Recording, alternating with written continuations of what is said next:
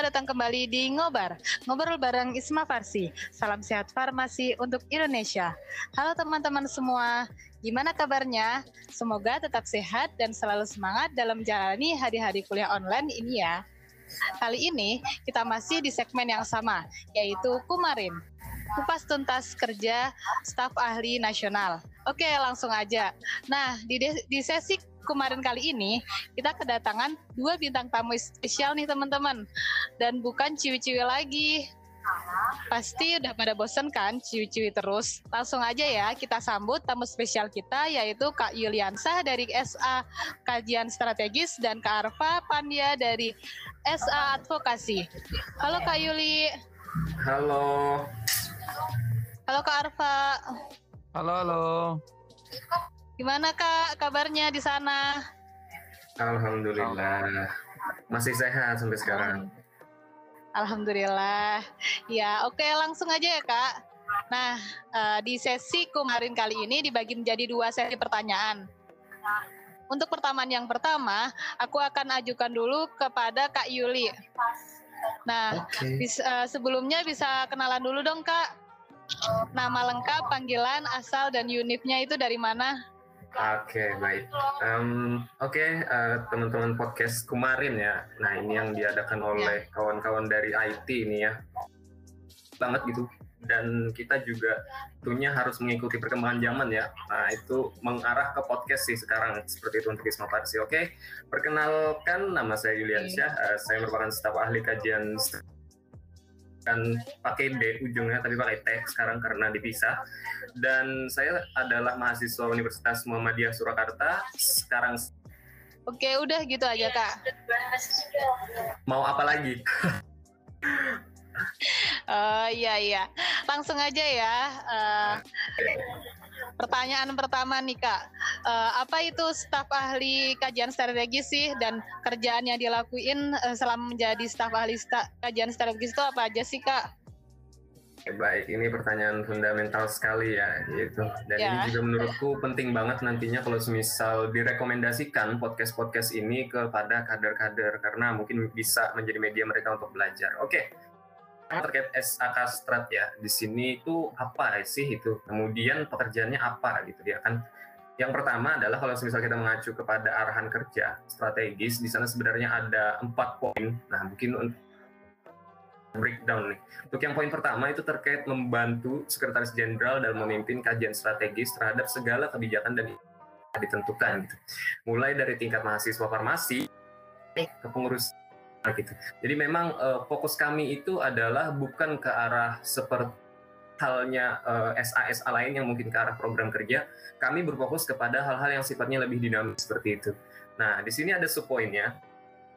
Poin pertama tadi itu adalah ismavarsi responsif terkait kebijakan-kebijakan yang berkaitan dengan dunia kefarmasian dan kemudian uh, poin keduanya adalah big data gitu. Nah, kita bahas nanti ya gitu. Uh, kemudian uh, untuk merealisasi dari pertama ini itu sebenarnya diejawantahkan dari program kerja saya itu yang namanya rilis kajian akademik. Nah, itu maksudnya seperti apa gitu. Nah, jadi dalam uh, siklus atau pembuatan kajian akademik tersebut, kita banyak melakukan kegiatan-kegiatan yang dinamis. Contoh, mungkin kita diskusi tertutup bersama stakeholder, mungkin kita mengupdate informasi dari berbagai artikel, kemudian mencari berbagai informasi dari internet, kemudian melakukan webinar, uh, melakukan pernyataan sikap, melakukan uh, diskusi publik dan lain sebagainya. Nah, kalau di Kastrat itu fokusnya adalah untuk pencari untuk membuat sebuah kajian akademik seperti itu.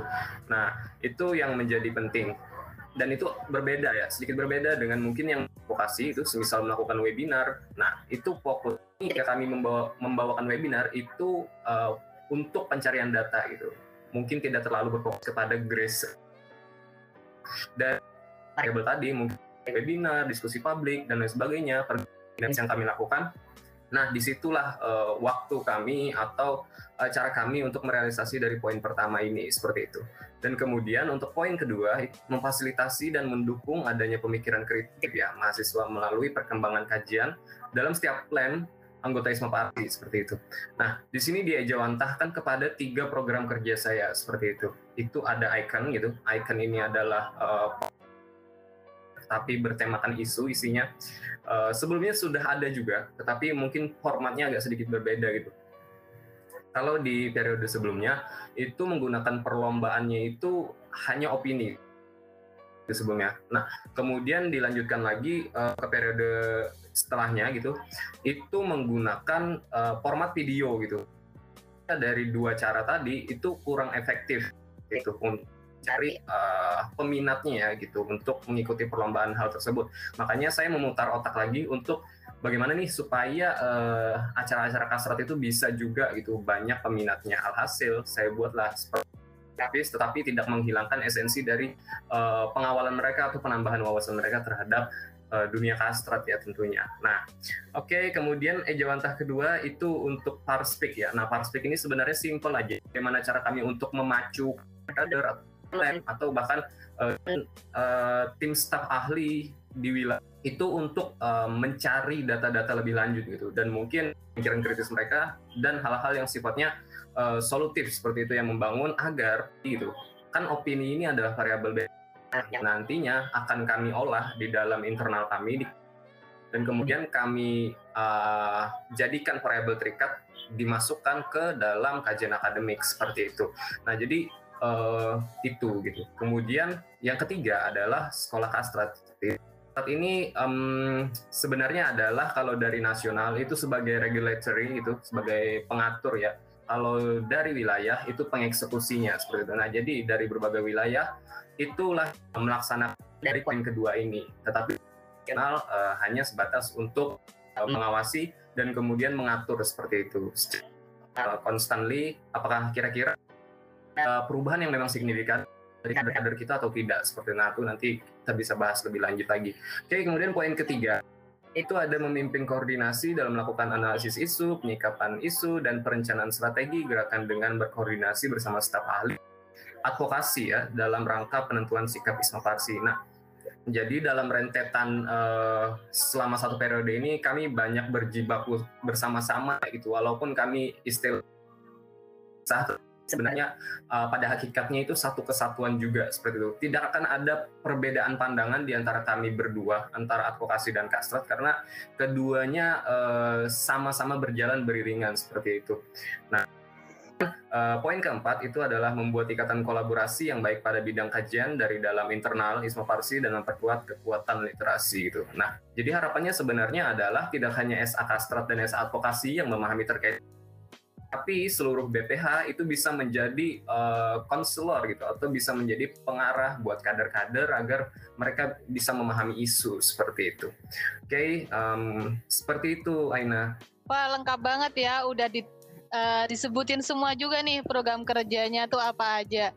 Uh, nah dari program kerja yang udah disebutin nih kak, uh, satu program kerja unggulan dari SA Karastra tuh apa sih? Oke, okay, baik. Mungkin sebenarnya uh, secara keseluruhan berkesinambungan ya, dan uh, secara keseluruhan yeah. bisa dikatakan unggul semuanya seperti itu. Tapi mungkin kita pilih satu yang menjadi sangat-sangat penting ya menurut saya adalah sekolah kastrat seperti itu. Mengapa sekolah kastrat ya gitu?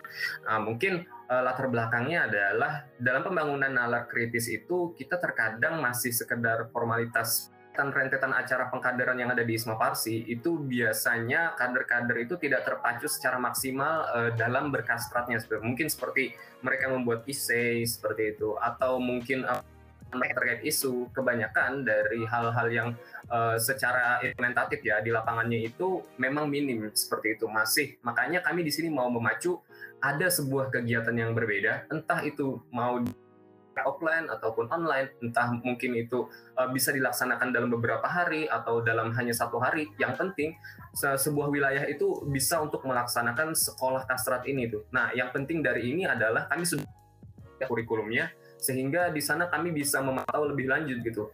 Apakah sekolah kastrat ini memang benar-benar dibutuhkan untuk mas siswa farmasi ya gitu. Karena uh, capaian yang kami inginkan adalah media marker gitu ya untuk mungkin casek jenan gitu. Jadi bisa kita lihat tuh siapa yang mungkin aktif gitu, most important person dan lain sebagainya seperti itu yang muncul di dalam asrat ataupun di LKLK seperti itu.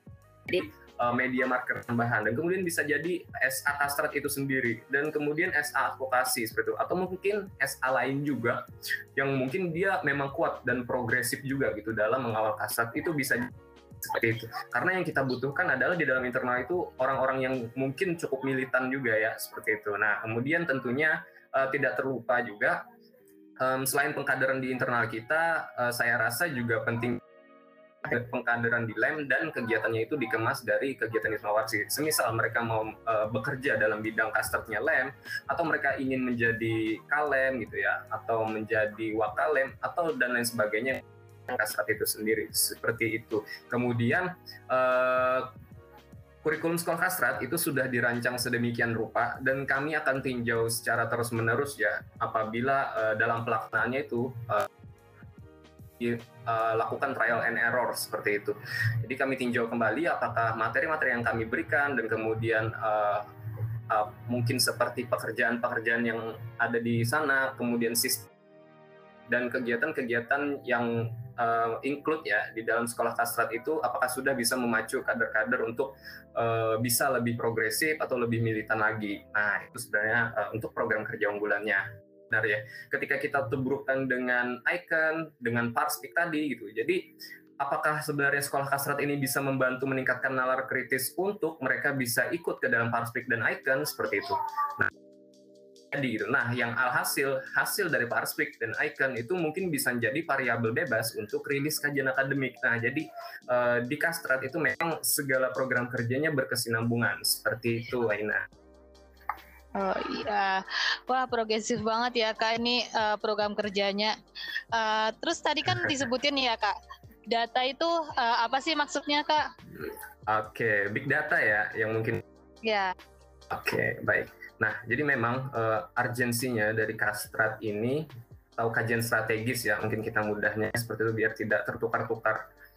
Uh, di sini itu sebenarnya latar belakangnya adalah bagus itu dalam beberapa tahun ke belakang terkait membangun, memfasilitasi dan mendukung adanya pemikiran kritis dan solutif dari mahasiswa. Oke, sebenarnya tidak hanya mahasiswa secara umum atau tetapi dari uh, handover ya dari SA Kastrat ke SA Kastrat selanjutnya ke SA Kastrat selanjutnya itu terkadang gara-gara tidak adanya big data ini itu mengacaukan atau missing link ya adanya seperti itu.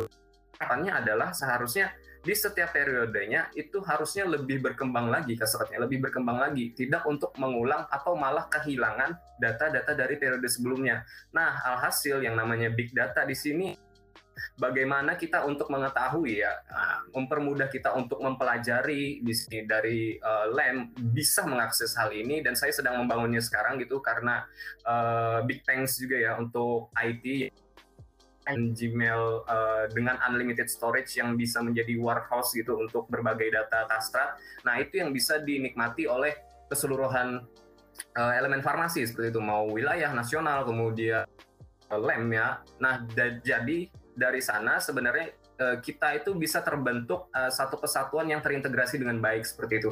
Karena sampai sekarang kalau semisal hal tersebut saja tidak terintegrasi ya pembahasan-pembahasan yang pembahasan yang dilaksanakan di wilayah itu kayak semacam terulang-ulang terulang-ulang seperti itu. Kayak tumpang tindih. Padahal intinya sudah ada di dalam uh, gudang tersebut informasinya seperti itu. Nah, alangkah lebih baiknya hal-hal yang sudah sama dibahas oleh uh, yang satu dengan yang lain seperti itu uh, maka dari itu ya warehouse ini bisa dibuka oleh mereka. Dan nantinya mereka bisa meninjau dari sana dan menentukan prinsip apa yang bisa dilakukan seperti itu. Jadi tidak mengulang hal-hal yang sama seperti itu. Dan kemudian alhasil dimanfaatkanlah uh, warehouse tadi dengan kapasitas unlimited agar integrasi antara lem, wilayah, sinergi dengan baik. Nah, ini berpengaruh lagi kembali lagi kepada uh, kajian akademik tadi karena kami juga mengambil pastinya dari data-data yang ada di dalam gudang yang sudah di uh, share gitu ya dari wilayah kemudian gitu. Kalau semisal memang mereka uh, sudah membuat semacam webinar atau diskusi publik atau pembuatan artikel dan lain sebagainya seperti itu. Karena tidak semua hal yang uh, seperti tadi ya itu kami memiliki kan mungkin di Kastrat sendiri untuk mem, yang berfokus kepada RUF itu hanya dua orang dari TSA saya kemudian yang lain juga uh, dua orang masing-masing dua gitu. Dan totalnya adalah tiga isu. Alhasil kalau kami secara secara menumpuk ya harus mengerjakan semuanya saya rasa itu kurang efisien seperti itu. Alhasil di sini maka diintegrasikan saja begitu dengan lem dan wilayah seperti itu untuk uh, membabel bebas seperti itu. Dan kemudian um, akan mulai di launch itu pada saat PIMV seperti itu. Nah ini rancangan saya uh, rencananya itu bakal di pada saat warehouse ini dari sana dan juga data-data sudah tercukupi karena dari wilayah pun program kerja uh, dan data-data yang mereka cari ya dari raptor wheel mereka kemudian sampai uh, PIMV seperti itu atau mungkin sampai rakor wheel mereka seperti itu. Nah seperti itu sebenarnya strateginya untuk membangun big data kita ya biar um, juga mempermudah uh, untuk seluruh elemen dan kader-kader kita selanjutnya seperti itu, Aina. Oke, mantap, bagus-bagus. Ya, uh, langsung aja ya pertanyaan selanjutnya nih kak. Uh, ini kan di Kastrat pasti ada TSA nih, tim staf ahli yang membantu SA Kastrat. Bisa disebutin okay. dong siapa aja dan uh, pembagian tugasnya di TSA itu di TSA Kastrat itu bagaimana sih kak? Oke, okay, baiklah. Ini bagus ya pertanyaannya. Untuk yang sendiri memiliki enam gitu. Mungkin bisa dikatakan juga salah satu SA yang memiliki TSA terbanyak gitu dan juga rumit ya karena saya perlu membekali mereka dengan isu-isu yang mereka kawal seperti itu. Nah, tapi ya alhamdulillahnya karena memang mereka memiliki niat yang baik juga gitu di dalam kastrat alhasil tidak secara menyeluruh ya asupi uh, secara constantly gitu. Jadi mereka juga mencari eh, hal-hal uh, yang kaitan dengan isu mereka sendiri seperti itu. Oke, okay, bahkan bisa jadi ya uh, eh, TSA saya itu melampaui saya uh, informasinya seperti dari masing-masing isu yang mereka kawal gitu. Nah kalau di TSA kami itu timnya uh, dibagi tiga dan masing-masing dari tiga itu memiliki dua orang gitu. Nah untuk yang pertama ini ada Mas Aditya ya, itu dari Universitas Sumatera Utara. Dia memiliki job sebagai Kepala Satuan Tugas peredaran obat pada gerai retail uh, non vaskes seperti itu. Nah, kemudian uh, partnernya itu ada dari Universitas Pakuan sebagai support formulator dari uh, isu tadi peredaran obat pada gerai retail non vaskes dan dia juga membantu dalam administrasi program kerja sekolah kastra seperti itu. Nah, adalah satu tim yang sama dan mengawal sebuah kajian akademik bersama-sama seperti itu. Rancangan saya adalah mungkin dalam beberapa waktu dekat ini atau mungkin setelah Pimpi sudah mulai aktif uh, terkait pembuatan akademik mereka dan ini dengan kapasitas dua orang saya rasa hmm, masih bisa diperhitungkan bahwasanya dalam pembuatan kajian, kajian akademik itu memerlukan orang yang lebih banyak seperti itu. Alhasil mungkin bisa jadi dengan universitas uh, yang ada di Indonesia ya tentunya salah satu seperti itu dan kemudian uh, bisa bersama-sama untuk membuat kajian akademik terkait peredaran obat pada gerai retail non paskes ini. Ini yang menjadi penting adalah uh, tim kedua seperti itu karena tim kedua ini yang berkaitan dengan urgensi sekarang. Untuk urgensi sekarang adalah uh, RUUF tentunya seperti itu dan kawan-kawan juga tahu sendiri. Kemudian juga ada uh, di dalam RUF itu ada konstituennya yaitu pendidikan kefarmasian seperti itu. Nah, hal tersebut yang masih sangat-sangat hangat untuk dibahas ya dari dunia kefarmasian dan di sini ada dua tim staf ahli saya. Yang pertama ada Andika Putra, kemudian itu dari Universitas Mundi Waluyo uh, sebagai kepala satuan tugasnya RUF dan kemudian ada Wardah Izatul dari hari itu sebagai support formulatornya gitu. Nah, untuk sekarang karena memang ini adalah urgensi, kami sudah membangun kolaborasi ya bersama Universitas Gajah Mada gitu dan sekarang uh, sudah mulai mulai mencari pustaka-pustaka, kemudian uh, mulai membangun variabel bebasnya gitu, yang alhasil nantinya akan dirancang menjadi kajian akademik seperti itu. Mungkin dalam dua atau sampai tiga bulan dan kami kawal secara minggunya seperti itu. Oke, nah yang tim terakhir adalah ini adalah isu kesehatan ya.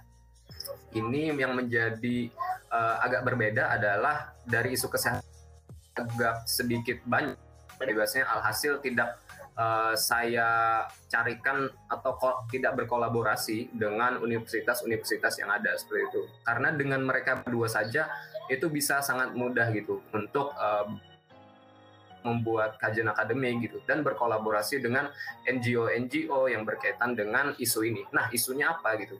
Isunya adalah tentang uh, rokok anak Indonesia. Nah, ini isu kesehatan yang dikawal isu uh, pada periode ini. Yang pertama adalah uh, Nur Hasanah Putri itu dari Universitas Jember ya. Dia dia di sini sebagai formulator dari rokok anak Indonesia dan juga medali administrasi program kerja Parspik tadi dan Icon. Kemudian ada juga Naupal Hadi yang juga memiliki uh, job yang sama gitu karena tidak ada kasat gas atau support di sini. Jadi sama-sama mereka membantu dia berasal dari Universitas Sriwijaya seperti itu. Nah, mungkin kalau semisal lebih lanjut lagi uh, saya jelaskan adalah Kasatgas itu dia berfokus kepada menghandle dari kelompok bersama kolaborasi tadi seperti itu. Mungkin dari bagian tugasnya seperti apa bersama universitas lain gitu dan kemudian uh, perancangan rapat dan lain sebagainya pemantauan seperti itu ya uh, dari segi internal dan mungkin tentunya saya juga menjadi uh, project seperti itu. Nah, itu yang secara keseluruhan menghandle adalah TSA saya seperti itu. Untuk Kasatgas itu adalah mereka pemimpinnya. Nah, kalau semisal yang support formulator dari partnernya Kasatgas tadi, itu dia semakin ya tentunya membantu dari Kasatgas dan kolab uh, bersama uh, kolab dengan universitas tersebut uh, dalam mungkin mencari sumber-sumber gitu, kayak gitu. Dan kemudian alhasil bisa mempermudah agar mereka oh ini loh gitu. Tinggal kita masuk masuk saja gitu. Variabel-variabel yang ada di sini mungkin bisa dibaca terkait hal ini itu jadi kayak metadata seperti itu.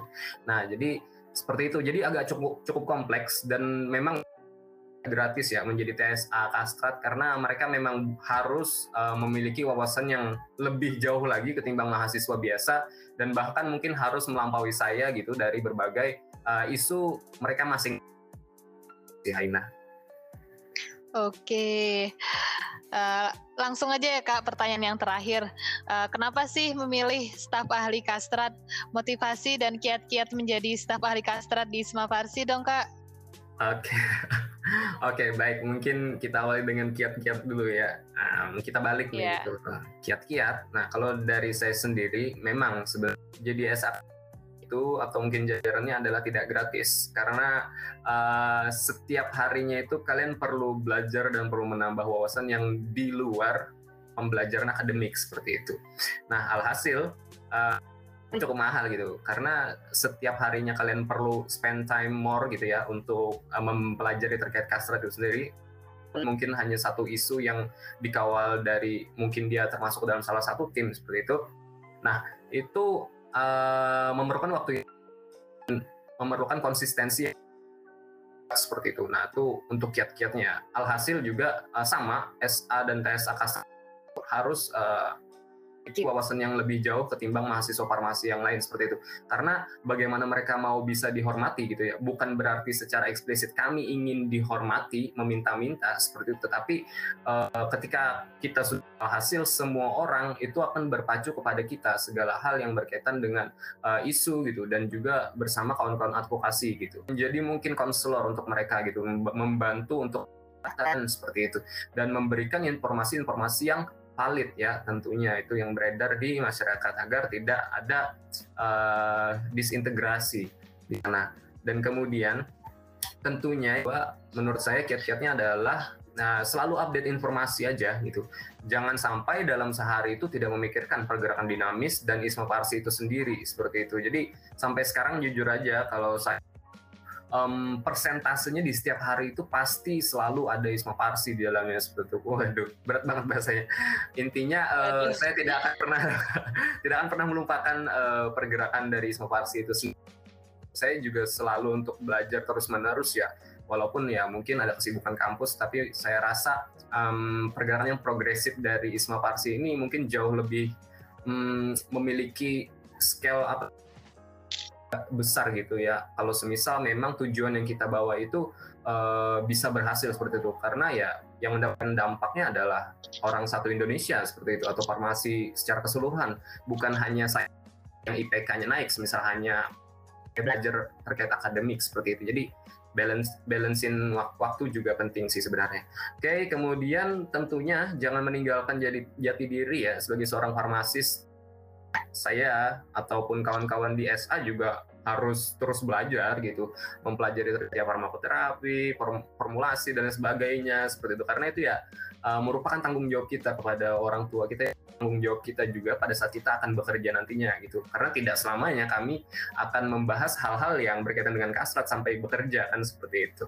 Oke, kemudian yang terakhir itu um, kiat-kiatnya adalah memiliki public speaking yang bagus ya. Kalau misalnya pengen jadi staf ahli kajian strategis seperti itu, karena yang dihadapi bukan hanya bagian grassroots ya, bagian mahasiswa, tetapi bagian stakeholder eh, retorika, permainan cantik gitu. Secara politis itu diperlukan seperti itu. Nah, karena ya di sana uh, dari kastrat itu mungkin akan menjadi role modelnya, akan menjadi leadernya gitu. Dan di grassroots akan menjadi konselor seperti untuk mahasiswa pasti. Nah, itu kiat-kiatnya ya. Jadi memang hmm, cukup berat. Jadi perlu uh, pembelajaran yang lebih jauh sebenarnya. Tetapi ya berdasarkan dari war kemudian uh, dibantu dengan unlimited storage, saya rasa uh, kader selanjutnya mungkin akan lebih mudah ketimbang zaman-zaman kami seperti itu untuk mencari informasi. Jadi mereka tinggal buka uh, satu G itu macam informasi yang bisa menambah wawasan mereka secara cepat seperti itu lebih instan gitu. Tapi bukan berarti instan itu yang buruk. Nah, oke, okay. motivasi dari saya sendiri sebenarnya untuk menjadi SAK Strat itu ini berkaitan dengan moto saya ya. Nah, kalau moto saya itu adalah menjadi salah satu konstituen alasan orang lain dalam melakukan perubahan kualitas hidup itu. Waduh. Jadi maksudnya adalah bukan di sini saya meminta-minta untuk saya adalah salah satu faktor gitu. Orang lain itu bisa melakukan perubahan kualitas hidup bukan seperti itu sebenarnya. Tapi ini sebenarnya hanya untuk memacu diri saya sendiri agar saya selalu untuk uh, memikirkan orientasinya itu memberi seperti itu. Jadi tidak untuk uh, mungkin menerima imbalan gitu. Karena saya pikir ketika saya menabur lebih banyak benih saya rasa juga saya akan mendapatkan uh, hasil yang juga lebih banyak mungkin seperti saya hanya berfokus untuk uh, menaburkan benih, hanya berfokus untuk uh, apa ya memberi ya tentunya seperti itu. Dan kemudian um, satu lagi yang menjadi motivasi saya adalah saat ini memang saya senangi ya seperti itu. Alhasil ini uh, merupakan panggilan hidup menurut saya. Nah itu yang menjadi penting juga seperti itu. Dan juga mungkin uh, kalau motivasi dari saya itu ya eksplisit mau ya ke dalam kasret karena akan ada banyak kompetisi di sana maksudnya gitu. Jadi saya uh, yang menjadi motivasi saya adalah uh, saya akan menjadi is, uh, eh, BPH Isma Parsi seperti itu. Hanya itu apa pun ya intinya akan menjadi BPH gitu. Jadi tidak mungkin secara spesifik ke arah kastra. Alhasil di sana saya juga mempelajari berbagai hal mungkin terkait pengembangan diri di Dev gitu. Kemudian sedikit terkait teknologi, bisa juga terkait IT gitu. Kemudian mempelajari terkait financing gitu, terkait keuangan juga, bisnis dan usaha juga saya pelajari. Kemudian uh, pengabdian masyarakat gitu. Itu semuanya saya pelajari juga. Alhasil ya uh, sebenarnya itu tidak uh, tidak apa ya tidak spesifik, tapi itu mungkin uh, bisa memperjelas tidaknya bahwasanya uh, saya tidak akan takut gitu kalau semisal terpilih ke salah satu yang minati seperti itu ya. Nah itu makanya dipelajari semua. Jadi um, terakhir ya, menurut saya sendiri jadi peluang itu tidak akan datang dua kali gitu. Jadi kalau misal kamu hanya astrat, saya rasa peluangnya mungkin bisa jadi kecil seperti itu. Nah maka maka dari itu uh, yang bisa kita lakukan adalah bukan memperhitungkan peluang itu tidak datang dua kali, tapi bagaimana cara kamu untuk dengan terus mencoba seperti itu. Nah, itu yang menjadi motivasi saya. Oke, seperti itu ya, Ina. Oke. Oke, uh, lengkap dan jelas banget ya teman-teman penjelasan dari Kak Yuli ini. Semoga bisa teman-teman bisa mengambil kesimpulan dan makin termotivasi jika teman-teman ingin menjadi Esa Kastrat. Nah, untuk selanjutnya langsung aja ya Kak, uh, kita beralih ke Kak Arfa. Halo Kak Arfa. Halo, halo, halo. Uh, sebelumnya bisa kenalan dulu dong kak, uh, nama lengkap, panggilan, asal, dan kakak ini dari universitas mana? Oke, terima kasih Aina. Halo teman-teman uh, Isma Farsi, kenalin nama saya itu Arfa Pandiawasdi, bisa dipanggil Arfa asalnya dari Jakarta, dari Universitas Indonesia. Isma Farsi selaku staf ahli advokasi. Kan kalau tadi Yuliansyah itu staf ahli kajian dan aksi strategis. Uh, langsung aja ya kak ke pertanyaan yang pertama. Apa itu staf ahli advokasi dan pekerjaan yang dilakukan di staf ahli advokasi itu apa sih? Oke, untuk staf ahli advokasi sendiri ya. Nah, sebenarnya staf ahli advokasi ini tuh adalah sebuah bidang baru nih di Isma Farsi karena dari periode awal sampai periode kemarin itu digabung dengan kasrat seperti tadi yang sudah dikemukakan oleh Yuliansyah. Nah, kalau dari advokasi sendiri, tupoksi pekerjaannya adalah uh, bagaimana kita memanage suatu isu dan pergerakannya. Seperti uh, salah satunya adalah bagaimana kita bisa mengedukasi bersama teman-teman kasrat juga tentunya mahasiswa-mahasiswa dan masyarakat farmasi di Indonesia mengenai suatu isu. Yang uh, contoh nyatanya adalah kita sudah menerbitkan tulisan-tulisan serta podcast-podcast uh, yang berkenaan dengan suatu isu seperti yang baru-baru ini diterbitkan kemarin itu ada tulisan dari advokasi mengenai vaksin dengan judul vaksin bukan alat politik. Nah di situ tuh uh, tujuan kita adalah uh, menulis tentang sesuatu pandangan terhadap isu. Kalau misalnya dicontohkan pada tulisan yang baru terbit itu, bahwasannya uh, polemik vaksin ini di Indonesia ini bukan hanya sekedar bagaimana cara menyembuhkan penyakit COVID-19 ini, pandemi COVID-19, tetapi juga di dalamnya itu dipenuhi oleh politik-politik yang seharusnya memang tidak ada di ranah itu. Karena tujuan dari vaksinasi itu sendiri adalah sebagai salah satu pemenuhan hak warga negara, hak asasi manusia uh, oleh negara bahwasannya setiap rakyat ber, berhak untuk menerima kesehatan uh, yaitu dalam dalam hal ini adalah vaksinasi. Tetapi memang terdapat politik di dalamnya dan hal tersebut adalah hal yang kurang tepat menurut kami karena sejatinya adalah uh, terjadi perbelokan tujuan dari ingin mengentaskan pandemi tetapi juga uh, yang sekarang terlihat adalah ingin memajukan satu dan lain hal dalam agenda politik. Nah, selain dari itu juga uh, tupoksi kerja advokasi adalah bersama dengan Kastrat untuk uh, berkomunikasi, melaksanakan aksi dan juga menyukseskan uh, suatu isu baik dari audiensi, propaganda maupun aksi langsung.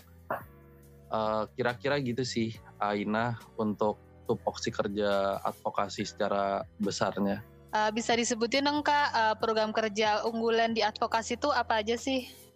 Oke, untuk program kerja unggulan ya, seperti yeah. tadi yang sudah dibilang juga oleh Yuliansyah, bahwasannya memang program kerja yang dilaksanakan oleh advokasi semuanya unggulan ya. Nah, advokasi itu sebenarnya itu mempunyai hmm, beberapa program kerja di antaranya itu ada Suara Isma Farsi. Itu adalah podcast uh, dari teman-teman advokasi untuk menyuarakan dan mengedukasi uh, masyarakat farmasi uh, tentang suatu isu. Nah, di dalam podcast ini uh, kita menyajikan dari sudut dari berbagai sudut pandang. Mungkin teman-teman juga bisa mengakses uh, podcast ini melalui Spotify uh, Isma Farsi gitu ya. Nah di situ kita menyajikan dari sudut pandang mahasiswa dan juga nanti ke depannya akan menyajikan dari sudut pandang stakeholder. Nah selanjutnya kita ada namanya kabar isu. Nah kabar isu itu seperti tadi yang sudah saya sebutkan bahwasannya itu berupa tulisan yang bisa teman-teman baca di web Isma Farsi.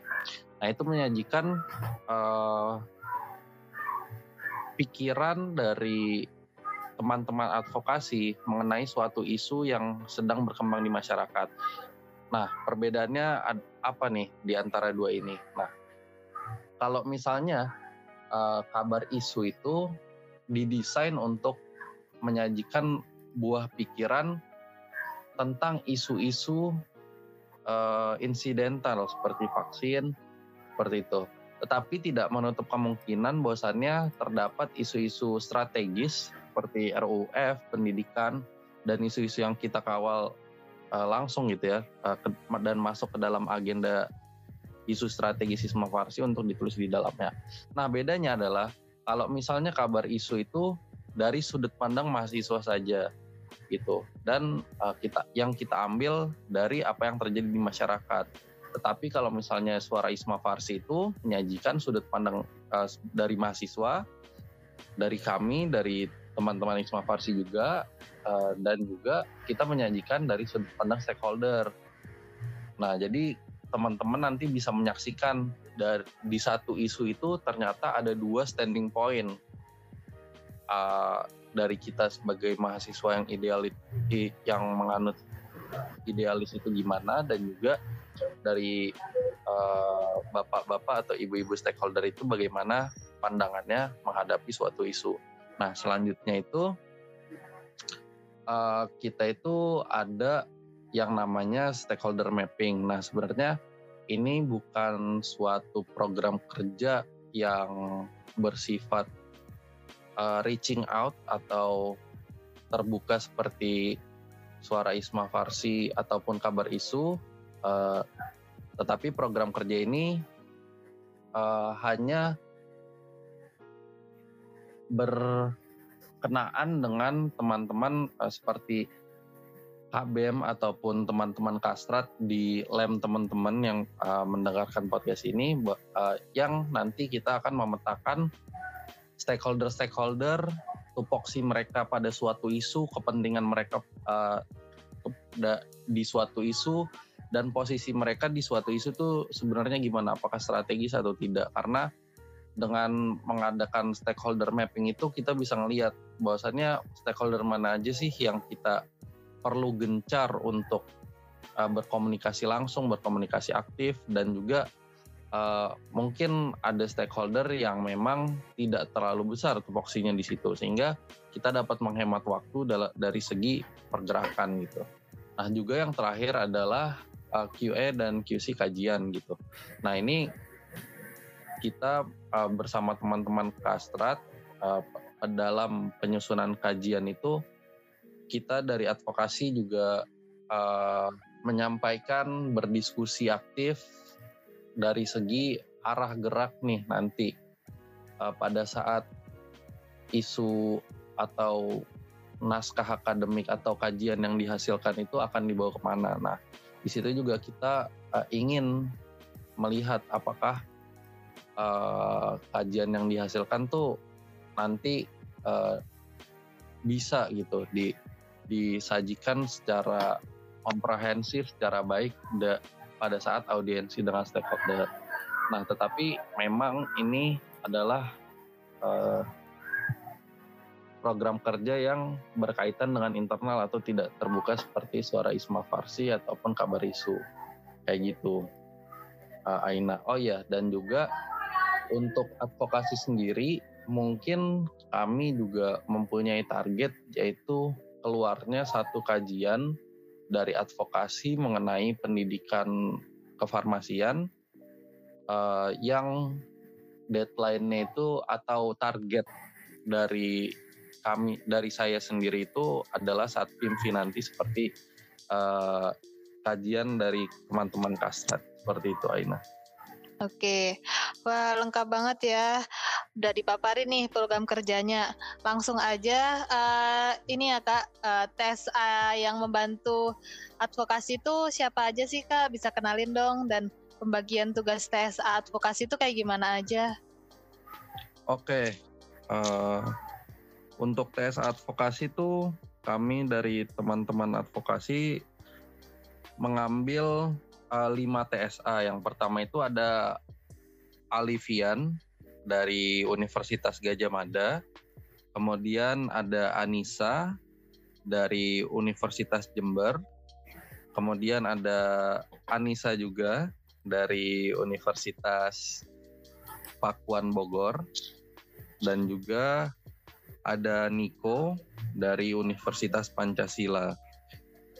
Oh ya, dan yang terakhir itu ada Kencanawati dari Universitas Islam UIN Jakarta Nah, mungkin teman-teman uh, ini line up-nya sedikit berbeda gitu dari teman-teman kastrat. Kalau misalnya teman-teman kastrat itu tersebar di berbagai wilayah gitu, tidak tidak banyak yang di Jakarta. Nah, kalau teman-teman advokasi ini memang uh, kita ambil yang banyak itu memang di uh, wilayah epicentrum gitu, karena karena mengingat kita dari advokasi itu pada saat nanti ada kajian dan akan uh, aktif beraudiensi dengan stakeholder, uh, kita ingin teman-teman advokasi itu banyak yang berada di epicentrum gitu. Jadi uh, pergerakan uh, audiensi ke stakeholder ataupun uh, ingin merencanakan aksi seperti itu kan itu lebih mudah gitu kan kita di epicentrum. Nah, untuk pembagian kerjanya ya. Untuk pembagian kerjanya itu yang pertama itu dari stakeholder mapping itu ditangani oleh Alivian dari Universitas Gajah Mada. Kemudian dari Suara Isma Farsi yaitu program kerja podcast kami itu di di penanggung jawabnya adalah Niko dari Universitas Pancasila Kemudian dari kabar isu penanggung jawabnya itu ada Kencana, selanjutnya itu uh, dari QA dan QC itu penanggung jawabnya itu ada Anissa dan Icut atau Anissa dari Universitas Pakuan. Nah, kira-kira seperti itu sih Aina. Jadi advokasi itu banyak memang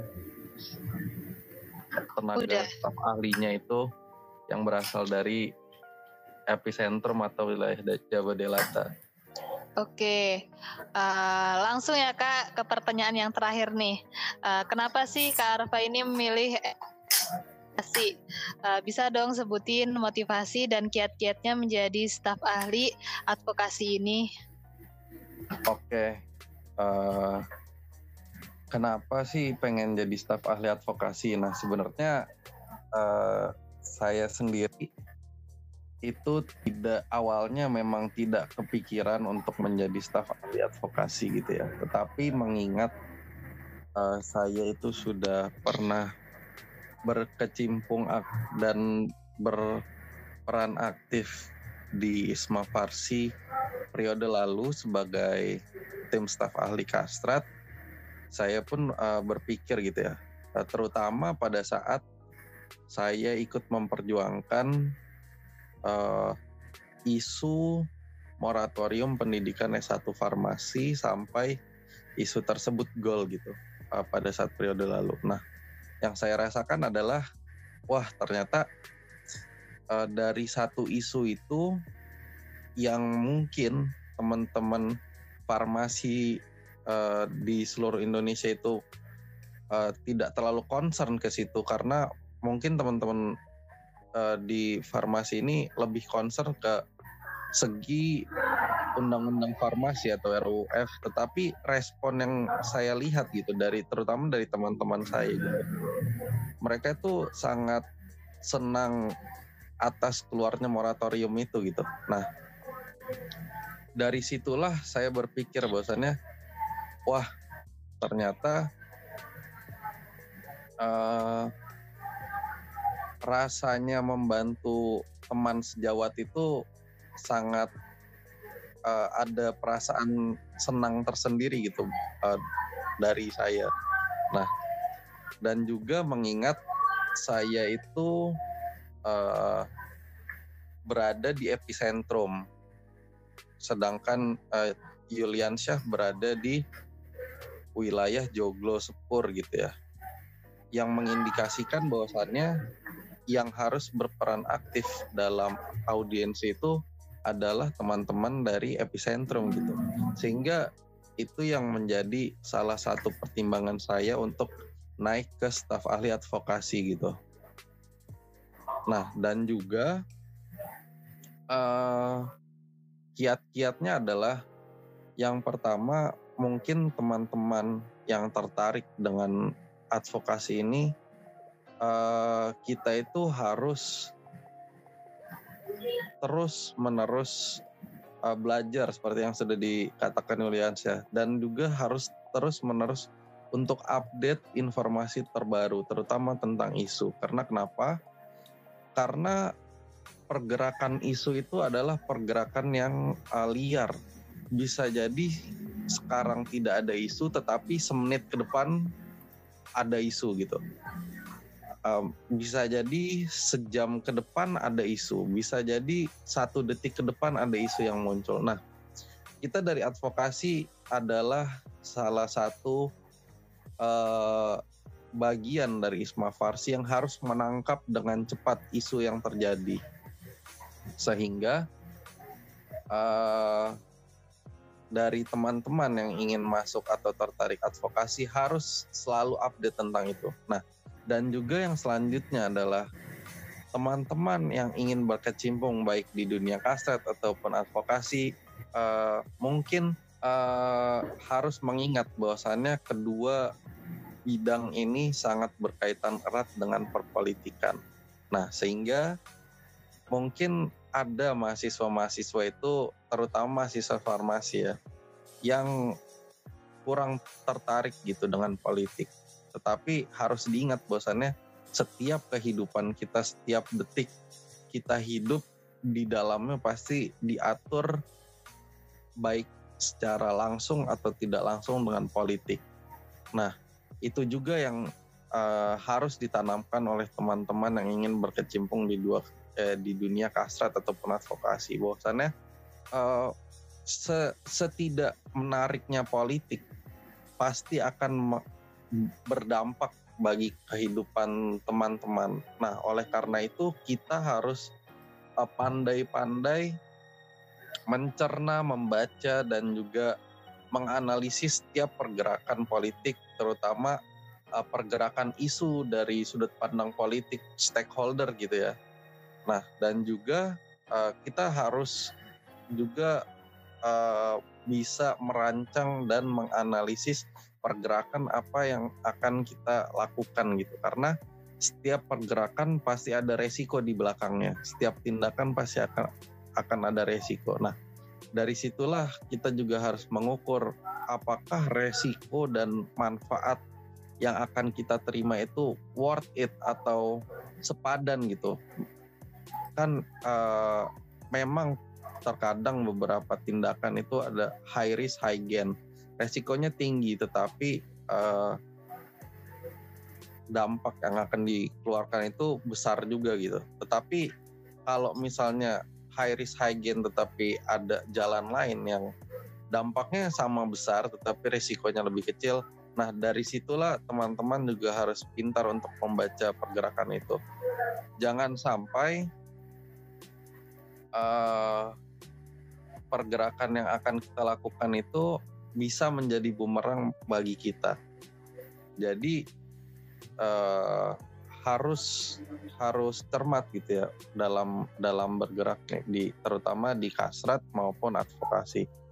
Nah dan juga yang terakhir kiat paling penting adalah uh, di advokasi itu harus uh, mempunyai cara cara-cara berpikir yang sedikit radikal tetapi tidak terlalu radikal dan juga terkadang harus bisa mengganti cara pikir itu yang tadinya uh, kan kita kan sebagai mahasiswa harus berpikir radikal sehingga kita bisa berprogresif. Tetapi uh, dengan pikiran radikal itu terkadang kita uh, tidak bisa menganalisis pergerakan kita dari sudut pandang lain. Nah, oleh karena itu mungkin teman-teman kasrat tadi uh, harus berprogresif terus. Nah, itu adalah hal baik gitu. Tetapi dari teman-teman advokasi juga uh, pola pikir progresif harus diimbangi juga terkadang dari sudut pandang yang lain gitu. Sehingga baik itu uh, sudut pandang uh, konservatif atau sudut pandang yang sentris gitu sehingga kita bisa berprogresif tetapi juga kita harus menganalisis dengan tepat oh ternyata uh, dari sin dari kan uh, kebanyakan stakeholder itu masih uh, bersudut pandang konservatif gitu ya. Nah, sehingga kita harus uh, bisa melihat dari kacamata mereka juga gitu. Oh, ternyata kalau misalnya kita bergerak begini dari dari mahasiswa yang idealis ini adalah hal bagus tetapi yang ditangkap oleh lawan kita atau uh, siapa yang akan kita tuju itu bagaimana gitu. Nah, itu sih yang paling penting karena jangan sampai apa yang kita lakukan ditangkap berbeda dengan lawan atau target yang kita tuju gitu. Karena uh, dampaknya itu bisa bermacam-macam dan dampak itu terkadang tidak dapat terukur gitu. Jadi kita uh, sedikit sulit untuk mengantisipasinya. Kira-kira gitu sih Aina. Oke, uh, lengkap banget ya teman-teman penjelasannya dari Kak Arfa ini. Wah, seru sekali nih pembicara hari perbicaraan kita kali ini. Semoga setelah teman-teman mendengarkan sesi kemarin kali ini, teman-teman udah punya gambaran ya. Dan pastinya semakin termotivasi untuk aktif di organisasi, khususnya bagi mahasiswa farmasi di Isma Farsi. Nah, untuk pembahasan tentang BPH lainnya, nantikan kami di sesi kurmarin selanjutnya ya teman-teman. Jangan lupa follow podcast ini agar kamu nggak ketinggalan kabar dan info-info menarik dari kita. Jika kalian punya pertanyaan, bisa chat langsung di akun media sosial kami. Dan Miss Ngobar, ngobrol bareng Isma Farsi di sesi selanjutnya. Bye-bye.